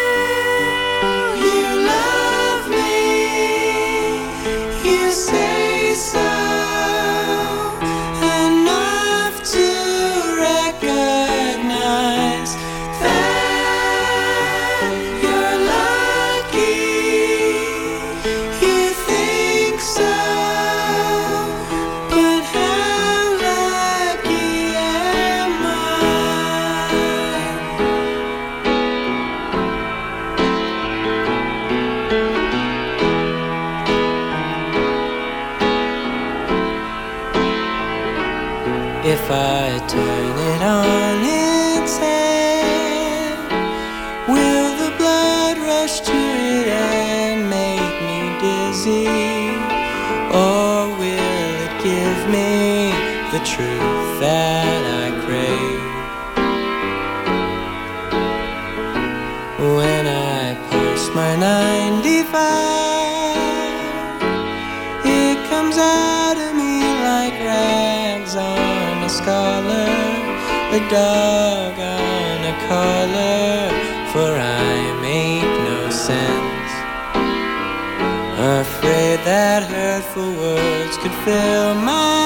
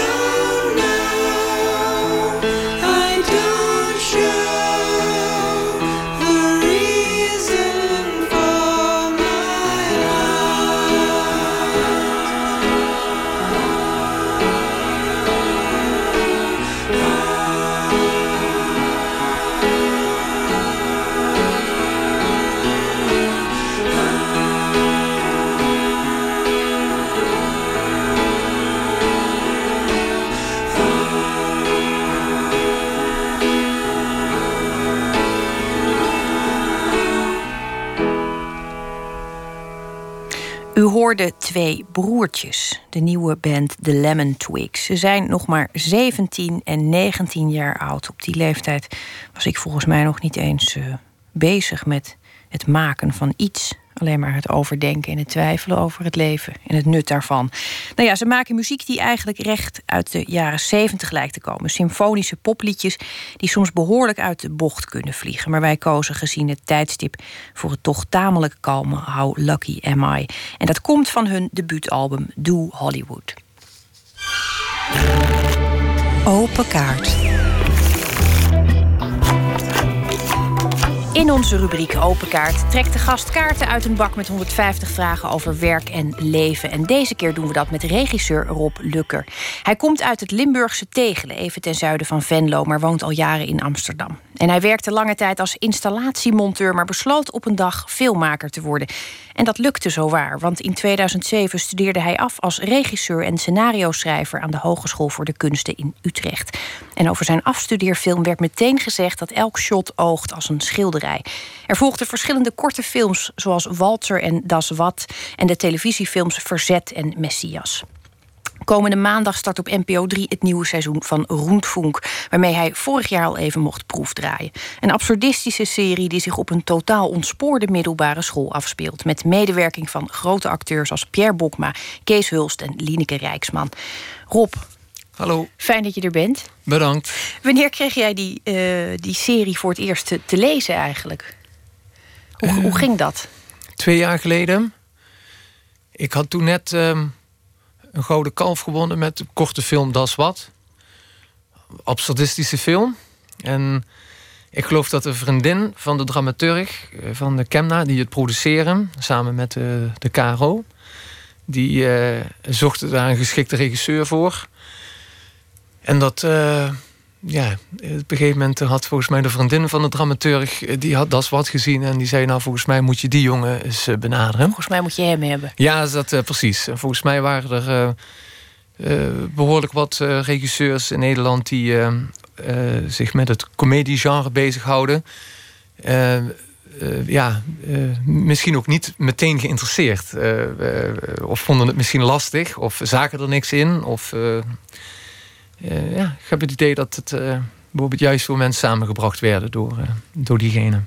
Ja, want eh, ik kan me wel een beetje indenken dat als je de omschrijvingen hoort, eh, dat had ik ook eerlijk gezegd toen ik las eh, waar het over ging, waar het over zou gaan, wat er allemaal in. Toen dacht ik, ja, het is snoeihard. Er zitten grappen in die je niet meer mag maken, maar die worden daar wel gemaakt, et cetera. Mhm. Ik kan me voorstellen dat je dan even eh, je rot schrikt. Eh, Maar vervolgens, ik heb werkelijk ontzettend gelachen toen ik de afleveringen keek. Mm. Leuk om te horen. Maar had, jij dat, had jij dat bij het script niet ook even, die aarzeling? Of was dat... Even wel, natuurlijk. Ik heb het even op me in laten werken. En ik heb het ook, ook aan vrienden voorgelegd. En ja, het, eh, goed met mezelf te raden gegaan van... kan ik dit met overtuiging regisseren? Geloof ik hierin? Snap ik de grappen? Eh, maar ja, op een gegeven moment, eh, toen ik de jongens eh, aan een gesprek kende aan de tafel... met Boudewijn Rozemuller, de dramateur op dat project... toen had ik al meteen door dat wij eh, goed... ja, dat we, het klikte enorm goed tussen ons. We hadden dezelfde soort humor... Dus ja, het was duidelijk dat, dat ik de, man voor de job was om de pilot te maken. Dus dat hebben we twee jaar geleden die pilot gemaakt. En aan de hand daarvan hebben we de mogelijkheid afgedwongen om voor, hoe heet het ook alweer? Voor Filmlab. Zo'n test, eh, toch een programma waarin eh, mensen wat geld krijgen om hun, eh, hun, hun idee uit te voeren. En daar hebben we gelukkig goed gescoord. En daar zijn nu deze tien afleveringen dus uit voortgekomen. Dus we hebben even geïnvesteerd en nu eh, mochten we tien afleveringen maken. Erg blij. Ja, dat snap ik. En de, de, de twee schrijvers in kwestie die, die kunnen putten uit hun eigen middelbare schooltijd. Het is ook nog voor hun nog, het ligt nog niet jaren, jaren en jaren achter hen. Nee, Eh, hoe zit dat met jou? Hoe was jouw middelbare schooltijd? lang geleden. En ja, ik heb niet zo'n leuke middelbare schooltijd gehad, vind ik zelf. Omdat ik een. eh, ik zat op het LBO. En dat, eh, ja, dat was toch vele malen minder boeiend en minder interessant. En minder kleurrijk. Harder en eh, ja, harder. En ik, ja, ik zat toch een beetje. voelde me toch ook wel ergens een klein beetje misplaatst. Maar ik eh, trok heel veel op met de vrienden van mijn broer. Dat waren allemaal jongens die hoog opgeleid waren, minimaal HAVO. En met via hun eh, ben ik dan ook zeg maar, met andere mensen van ander soort milieu in aanraking gekomen. En op die manier, eh, ja, daar heb ik toch veel, veel eh, plezier heb ik eh, beleefd buiten school, zeg maar. Met hun op hun school of in de kroegen in Venlo. Of, maar ja, Ja, want jouw eigen verhaal is toch ook... Het is een heel intrigerend gegeven. Dat iemand wordt installatiemonteur. Ik zie dat dan voor me dat je in een soort... Nou ja, overal met zo'n koffer ondoorgrondelijk gereedschap... ergens voor een, een ketel zit... over, over ver- verkalkte kleppen te praten of zo. En ineens besef je... doet dat idee op. Of, ja. ik wil filmmaker worden. Ging het zo of zit ik het nu weer ontzettend aan te denken? Nee, ergens klopt het wel een klein beetje, omdat ik eh, mijn hele leven lang wel echt al echt heel erg geïnteresseerd in film ben. Ik ben wel echt een cinefiel, zeg maar. Dat durf ik rustig van mezelf te zeggen. Ik, vanaf mijn zesde keek ik al, ja, meen ik, James Bond film een paar keer per dag. Dus ik heb altijd heel erg veel affiniteit met film gehad, maar nooit het zelfvertrouwen of ook maar een idee gehad dat ik dat kon worden. Totaal niet. Echt eh, nooit bij stilgestaan dat, dat, dat het ook in me zat of dat ik dat zou durven. Ik durfde ik niet aan te denken. Totdat eh, ik, eh, ja, ik weet nog het moment dat ik bij een soort van groot complex moest ik dan onder de kruipruimtes moesten we eh, de, de riolering afzagen, zeg maar. Dat werd helemaal verbouwd, helemaal, nou, het moest allemaal weg, weggehaald worden. En ik zaagde zo'n pijp boven mijn hoofd en die kiepte om. En die, zeg maar, die schoot zo zeg maar, in mijn nek, achter het overal. Dreef zeg maar, het inhoud daarvan in mijn nek. Dus dat was wel een soort van mooi moment voor mij om te denken van... oké, nu, nu is het misschien toch klaar. En eh, misschien toch goed om eh, eens te kijken of ik eh, toch iets anders van mijn leven ga maken... dan dat ik nu veroordeeld ben tot dit beroep, zeg maar. De geur van de realiteit Ja, drong je neusgaten ja binnen. absoluut. Dat, ja, dat, dat moest ik even...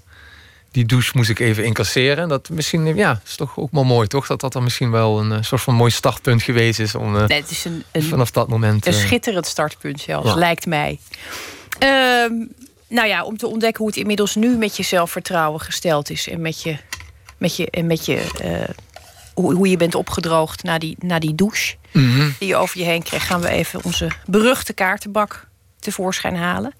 Eh, nou, ik, ik zou zeggen, eh, op goed gelukt, eh, trek een kaart. Ja. Eh, moet ik even de vraag ook wel- ja, Ja. Wat zoek je voor eigenschappen in een geliefde? Oh, dat vind ik toevallig dus een van mijn lievelingsvragen. Ah, kijk, je kent hem. Vertel eens. Ja, de humor, denk ik, dat, dat, dat vind ik wel een hele belangrijke. Trouw kun je ook wel zeggen, maar niks is zeker in het leven. Ja, ik bedoel, op een gegeven moment moet je toch met iets beginnen. En dan zie je wel, als je dan gefukt wordt, dan zie je dan wel verder, toch? Ik bedoel, het heeft geen weinig zin om op voorhand al zo wantrouwig te zijn. Dus eh, ja, ik, met name humor, dat, dat vind ik het belangrijkste. Cruciaal element. Ja, absoluut. Zeker. Dat, eh, dat houdt de boel gaande, toch? Er moet een bepaalde intellectuele uitdaging in zitten. Het moet natuurlijk niet saai worden. En ja, dat, het, intellectueel niveau level is belangrijk. En daarbij komt natuurlijk humor. Is daar ook wel een uh, soort van belangrijk aspect van, toch? Lijkt me. Van, ja, ik vind dat belangrijk. Moeten kunnen lachen. Is er een, een, een, geliefde in je leven momenteel? Nee, ik ben al 16 jaar vrijgezel. Jeetje, Rob. Ja. Hoe kan het? Ja, Je loopt nog steeds los. Nou, ik, ik loop nog steeds los. Na ja. deze uitzending vrees ik toch dat er diverse gegadigden op de stoep zullen staan. Uh, voordat het zover is, trek nog een kaart, alsjeblieft. Ja.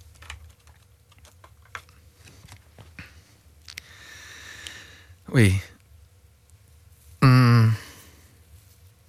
Waarvan heb je spijt? Dat is. Uh, waar heb ik spijt van? Het zijn vaak dingen, denk ik, uh, op onze leeftijd, we zijn ongeveer even oud, die je niet deed. Mm. Die zijn vaak erger dan dingen die je wel hebt gedaan. Ja, dat klopt. Ik moet toch wel zeggen dat ik. Ja, ik durf wel te zeggen dat ik uh, misschien heel lang niet de juiste koers gevaren heb, zeg maar, qua wat eigenlijk mijn passie, wat ik misschien toch eerder had moeten doen. Maar ik heb wel een enorm, enorm plezant leven gehad, zeg maar. Dus ik, uh, ja, ik heb eigenlijk van heel weinig dingen echt spijt, moet ik zeggen. Misschien toch wel een klein beetje dat ik misschien niet eerder het lef of het zelfvertrouwen, of dat ik ja, gedurfd heb om uh, uh, misschien toch eerder eigenlijk van de koers af te wijken. Dus ik deed dus een, ik zat een beta vakken in de technische richting. Terwijl, ja, dat is natuurlijk absurd. Dat ik, ik was daar ook helemaal niet goed in. Ik was veel beter in tekenen, in toneel. En ben veel, eigenlijk een gevoelige jongen. En ja, in dat opzicht veel creatiever. Dus misschien toch wel een heel klein beetje spijt dan dat ik misschien dat. Ja, spijt. Dat je die rioolbuis hebt zitten afwachten. Ja, dat precies. Nou, je hebt het wel ontzettend ingehaald. Ja. Uh, je, je, je, werd eigenlijk direct aan de borst gedrukt, kunnen we wel zeggen. Met je afstudeerfilm was het al raak. En daarna is het, is het uh, ongelooflijk snel gegaan en heel warm ontvangen allemaal. Uh, wanneer is dan het moment dat je het ook bent voor je eigen gevoel? Is er dan een, een moment waarop je denkt, nu ben ik Nee, die rust heb ik nog niet. Dat is ook de reden waarom ik misschien ook nog... Ik heb heel veel offers gemaakt, zeg maar, voor mijn droom te verwezenlijken. Ik ben op mijn 26e pas aan de HKU, aan de kunstacademie begonnen. Dus ik was ook 30 of 31 pas toen ik afstudeerde. Ik nam dat heel serieus en ik had heel veel achterstand. Dacht ik, oké, nu heb ik één missie en ik, geen vriendin. Alle sporten die ik beoefende niet meer doen. Niet meer in een band spelen. Vond ik ook namelijk leuk om basgitaar te spelen. Uh, alle, allemaal offers gemaakt voor dat ene doel. En elke keer uh, uh, ontneem ik mezelf. Uh, of ja, ik ben best wel er serieus mee bezig. En elke keer heb ik weer een nieuwe trofee. Dus op een goede manier afstuderen met een goede afstudeerfilm. dan ergens bij een. bij een gerenommeerd productiebedrijf als commercial regisseur aan de slag gaan. Dat wilde ik heel graag. Hè? Dat, dat was voor mij ook een missie. Ik dacht, oké, ook mission accomplished, gelukt. Uh, het uh, inzenden van een, uh, van een NTR-kort. Dus een korte film. Hoop je dat die je mag maken. dat is dan gelukt. Ik kon er ook nog een kalf mee. Een one-night stand maken. En nu is mijn, nou, mijn uiteindelijke droom natuurlijk om de speelfilm te mogen maken. Dus zolang ik die nog niet gemaakt heb, zeg maar, heb ik, ben ik nog best wel onrustig. En voel ik me nog niet op de plek. Of ja, heb ik nog niet, nog niet mission accomplished, zeg maar. Nou, het is dus, ook, ook wel heel prettig dat je dat, je dat een beetje klein beetje zo houdt. Mm. Vind ik. Ja, daarom. Er moet altijd weer. Het, uh... Mensen die eruit zien alsof ze hun, hun mission hebben accomplished. Nee, dat. Uh, dat, dat, is, ook griezelig. Precies. Dus, uh, Neem dat... er nog eentje, alsjeblieft, ja. Rob. Kun je tegen kritiek?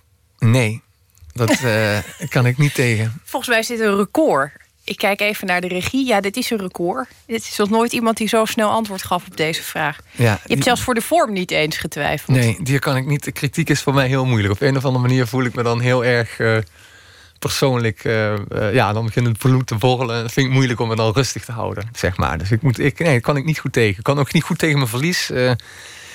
en kritiek kan ik niet goed tegen. Dat merk ik nu ook als ik zeg maar een film maak en ik als mensen dan uh, pittige kritiek hebben, dan, dan uh, verzet ik me zeg maar heel vurig en heel emotioneel. Nou, dan ga je met het nieuwe seizoen van Roentfunk misschien nog wel wat over je heen krijgen. Want ik zag al dat er op de, op de, op de stukjes die al zijn vrijgegeven, de, de previews, dat daar al heftig gediscussieerd werd. Oh, kan dit nog wel? Is dit niet over de grens, et cetera? Trek je je dat soort dingen ook aan? Ondanks dat je niet de schrijver bent, maar de maker. De maker, de uitvoerder. Uh, nee, dat soort kritiek niet. Ik denk, als ik zelf trots ben op het eindresultaat... en ik vind dat de grappen die we maken... die misschien een beetje provocerend zijn... maar wel ja, binnen dat, een artistiek verantwoorde manier gebracht worden... binnen de context uh, passen. Hè, dat, het, uh, dat is natuurlijk de kunst om die grap... op een waardige manier, ondanks dat die heel overtrokken is... of heel grof, om die toch... ja, ja, hoe zeg je dat?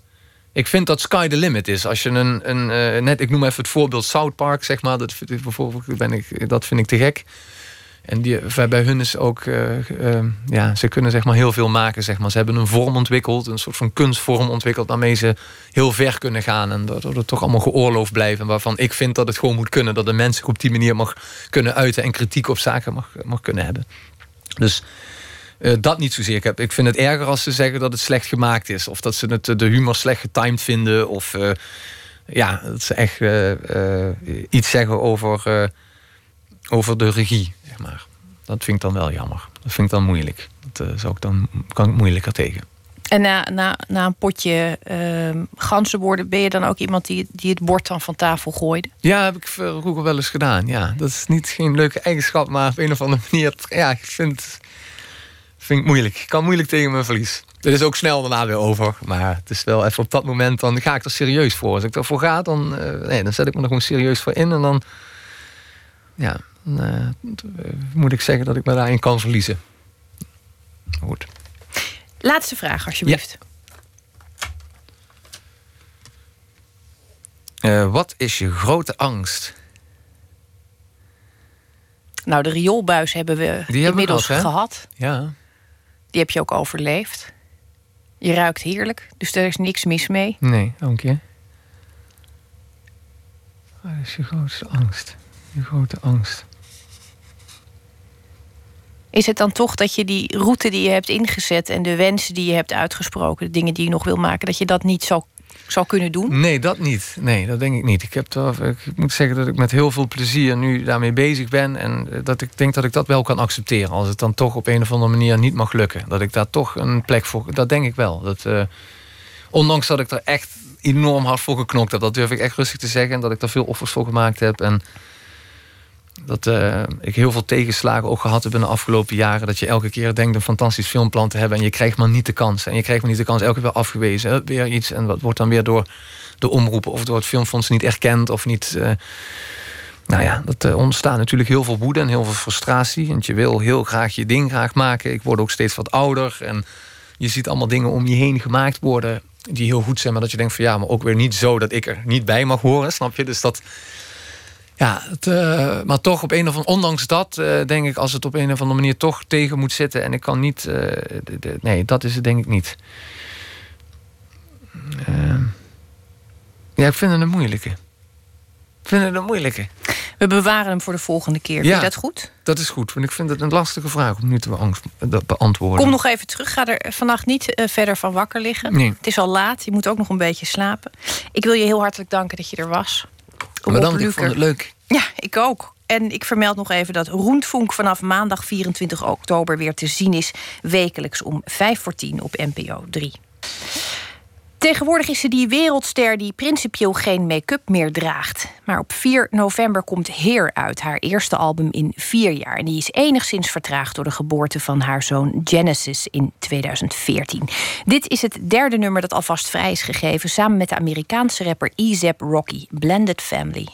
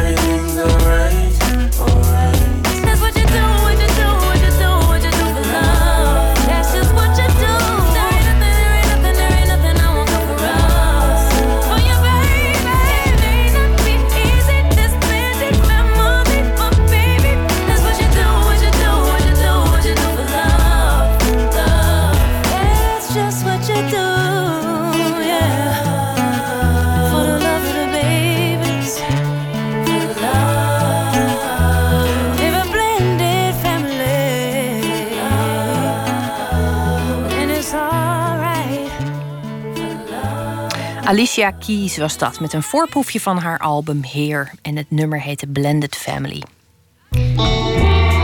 Nooit meer slapen. Regisseur Dick Maas is terug met een nieuwe film, Prooi, over een bloeddorstige leeuw die Amsterdam teistert. Maas is met films als Lift, Amsterdam en Sint goed voor een aantal cultklassiekers uit de Nederlandse filmgeschiedenis. En verslaggever Luc Hezen is benieuwd of de bezoekers vinden dat Prooi ook in dat rijtje thuis hoort. Ik verwacht een, eh, een klassieke Maas. Niet echt een, een serieus verhaal, maar gewoon lekkere popcornfilm. En niet te veel nadenken, gewoon lol hebben. Ja, die vriend van me, Lamar, hij heeft me overgehaald om naar deze film te gaan. Ik zag dat die leeuw heel veel geld had gekost. Dus ik verwacht wel dat er een, een eh, hele mooie leeuw te zien is. Normaal zijn we een beetje aan het zeuren op Nederlandse films dat het te houterig en ja, te hinderlijk en te matig is. Maar dat is eigenlijk de bedoeling juist waarom ik er nu naartoe ga. Ik hoop juist echt enorm heel Hollandse kitsch te zien.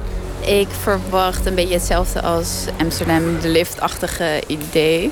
Dus een beetje fout, maar wel leuk en grappig en ook eng. Ja, Flo oh, is van Flo Oh, oké, ja, ja, ja. Ja, Flodder ken ik, ja, natuurlijk. Ja, ja, ja. Flodder keek ik vroeger altijd. Ik heb oprecht heel veel zin in. Ik denk dat het een hele leuke film gaat worden. Heeft iemand die leeuw gezien? Dat kunnen we nog niet bevestigen. Dit is niet zomaar een leeuw. Het Vondelpark is ontruimd en hermetisch afgesloten... naar verluid vanwege een schoonmaakactie. Kunt u mij uit...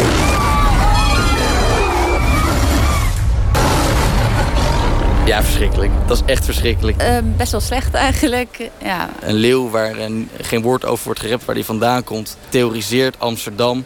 Er is een team wat wordt opgezet dat extreem knullig is om die leeuw tegen te houden. De dialogen waren echt ja, best wel tenenkrommend. Muziek maakt hij zelf, dat moet hij ook niet meer doen. Die leeuw ziet er gewoon natuurlijk ontzettend slecht uit ook. Ik kan me niet voorstellen als die man zelf die film heeft gekeken... dat hij denkt van nou, ik heb echt iets moois afgeleverd. Het stukje wat ik dan nog het spannendst vond... was dat eh, meisje die zeg maar, in die glijbaan weer omhoog probeerde te klimmen. Dat was ook een soort van Jaws-achtig dat je niet ziet wat het beest doet. Bij wijze van spreken dat je bang bent omdat je het niet helemaal ziet. En dat scheelt bij deze film wel als je de leeuw niet ziet, denk ik. Het meest absurde was dat een, een leeuw in een ambulance het spoor wordt opgeduwd... waardoor een trein ontspoort en vervolgens ontploft. Dat vond ik toch wel... Ik heb nooit zoiets gezien. Dat was echt eh, wel next level zielig. Ja, alles was gewoon eigenlijk een soort van eh, vermoeiend. En ook de grappen die er tussendoor werden gemaakt waren ook gewoon eh, niet grappig eigenlijk. Nou, ik vond het eigenlijk meer, hoe hoe noem je dat? Ehm, ja, een beetje echt, een beetje fake, laat me zo zeggen.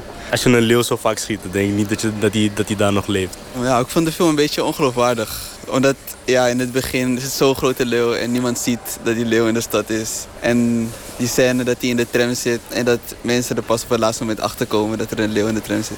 Vond ik een beetje ongeloofwaardig. Vervolgens zie je iedereen in die tram eigenlijk op gruwelijke manier worden ja, afgeslacht door die leeuw. En dan vervolgens bouw- eh, boort die tram zich ook nog in een gebouw. Ja, weet niet helemaal precies wat er gebeurde, maar dat was wel eigenlijk heel komisch gewoon. En als dat soort dingen nou ook gewoon in de rest wordt doorgezet, ja, dan had het echt veel leuker kunnen zijn, denk ik. Ik dacht dat ik het niet eng zou vinden, maar eh, ja, als je niet tegen bloed kan, dan is hij best wel eng. Ja, ik vond hem heel mooi. Ik vond het een mooie leeuw, ja, ja, ja. ja ik vond, hij, is, eh, hij zag er erg gevaarlijk uit, ja. ja. Het is heel, heel raar dat, dat deze vent ook Amsterdam heeft gemaakt. Dat is echt een klassieker. En eh, alsnog een beetje kitsch. En de lift natuurlijk, maar dit is echt niks. Ja, ik vond het best wel een goede film, eerlijk gezegd. Want eh, nou ja, het is maar wat je ervan eh, verwacht. Eén bal. Sorry, Dick Maas. Drie, denk ik. Ja. Ik denk een vier. Ja, een één dan denk ik. Ja, Eh, nul. Maar ja, als je niks te doen hebt, dan moet je er alsnog niet heen gaan. Ja, nee, echt niet heen gaan. echt niet heen gaan. Niet doen. Ja, mocht u nog niet ontmoedigd zijn door deze meningen en Prooi toch willen zien, ga dan snel. Want gezien de recensies zal hij niet bijzonder lang in de bioscoop draaien. Adele werd onlangs nog bedolven onder liefdesconfetti. Dat was in Nashville, waar haar geliefde haar tijdens haar tournee wilde verrassen vanwege hun vijfjarige jubileum. Ja, zo'n romantische daad kun je natuurlijk maar één ding zeggen: hello.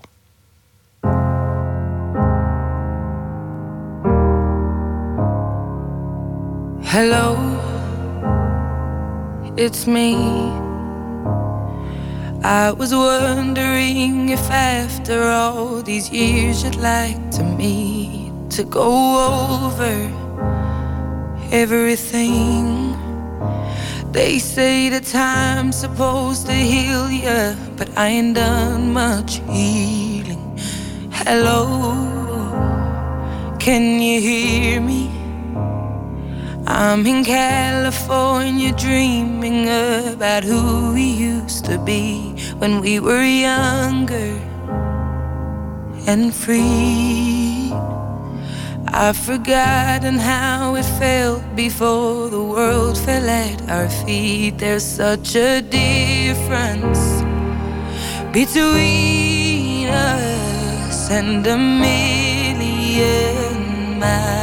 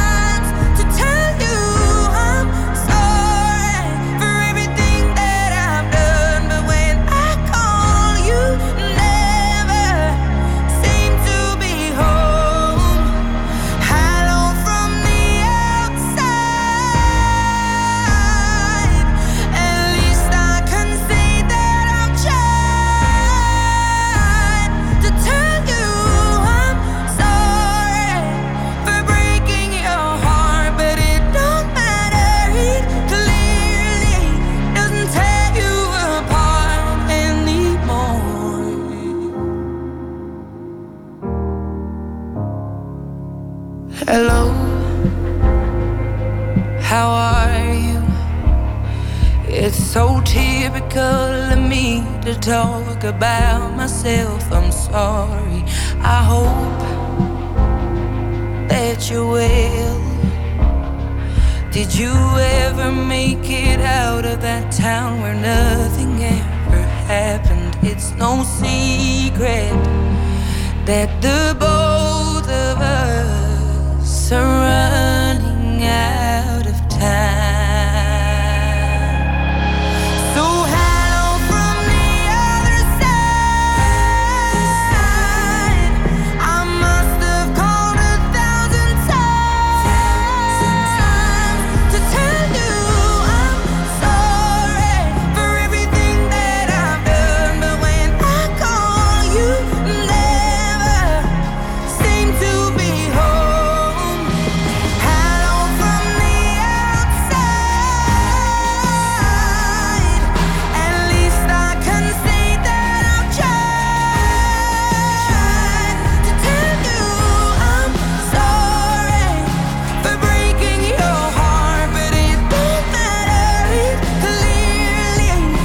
take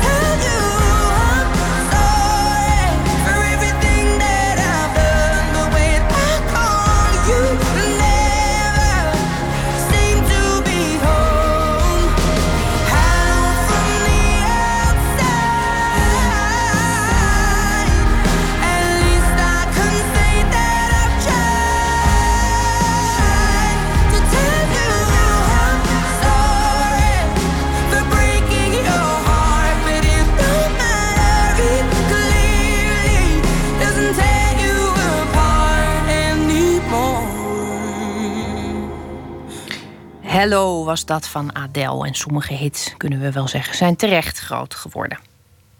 We sluiten af met de poëzie van Anna Enquist. Ze is psychoanalytica onder andere en pianiste en schrijfster. En haar laatste bundel verscheen vorig jaar, Hoor de Stad... met gedichten over Amsterdam, een stad die ze jarenlang eigenlijk liever meet. En uit die bundel komt het laatste gedicht van een korte reeks... die maandag werd ingezet. U hoort Anna Enquist met Lente in Amsterdam.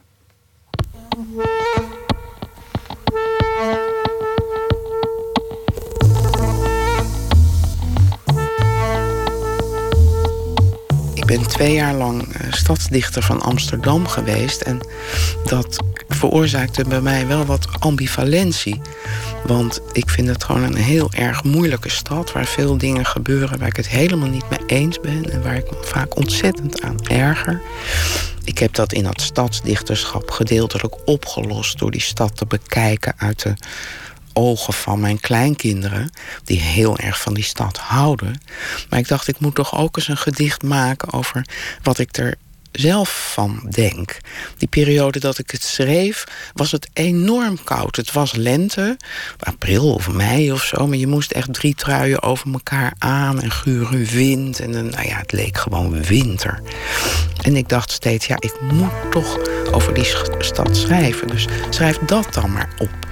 En uh, ja, echt mijn eigen vroegste ervaringen met die stad, dat we daar woonden. En ik was een kind van twee en toen gingen we verhuizen. En mijn eerste herinnering is echt zo'n lege kamer en dat ik met mijn benen vooruit zo op die kale planken zat.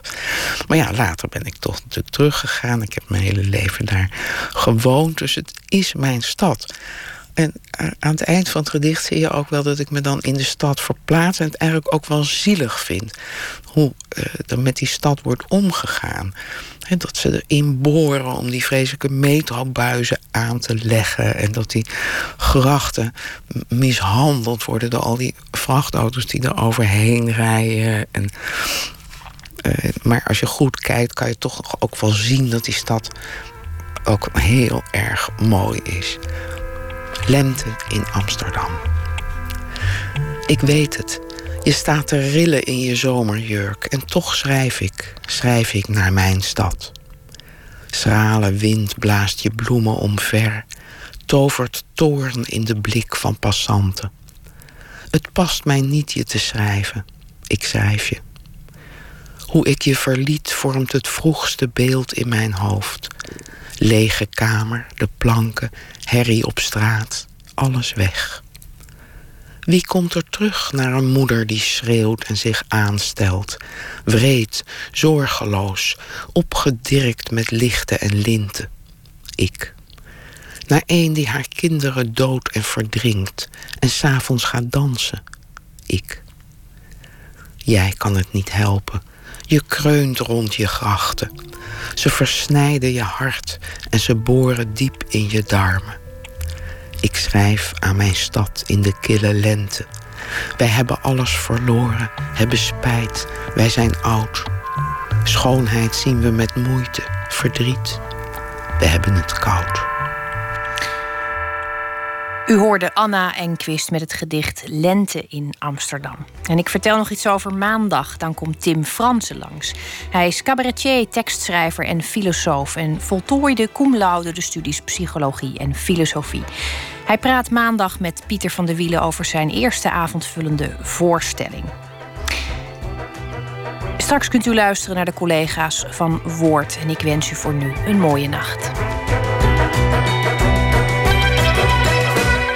Op Radio 1, het nieuws van alle kanten.